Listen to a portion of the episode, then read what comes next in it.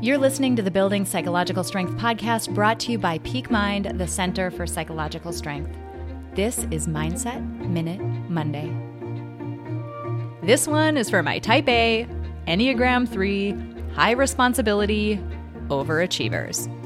P.S. I'm not calling you out, I'm basically just raising my hand right now. If you're this type of person, you're in good company. So, something that I've noticed about myself is my tendency to focus on productivity in every moment of my life. I catch myself saying things like, Oh, is this activity actually productive? Am I moving closer to my goals? What's the value that this activity is generating for me? Now, I'm all for productivity and goal setting, but research shows us clearly that there has to be room for fun as well. Activities we simply do only because we enjoy them. This week, do something just for fun.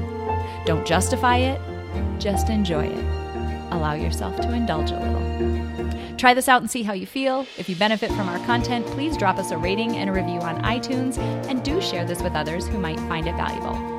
One last thing PeakMind is launching a whole slew of valuable resources for businesses and other organizations. As it turns out, businesses are just made up of people. And when people thrive, businesses thrive. And at Peak Mind, we help people thrive. Visit www.peakmindpsychology.com backslash organizations for more information or simply click the link in this episode description. We'll see you next week for another Mindset Minute Monday. At Parker, our purpose is simple.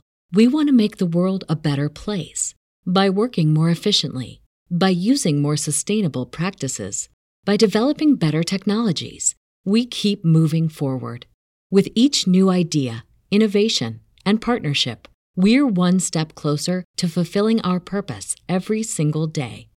To find out more, visit parker.com/purpose. Parker, engineering your success. As humans, we're naturally driven by the search for better. But when it comes to hiring, the best way to search for a candidate isn't to search at all. Don't search, match with Indeed. When I was looking to hire someone, it was so slow and overwhelming.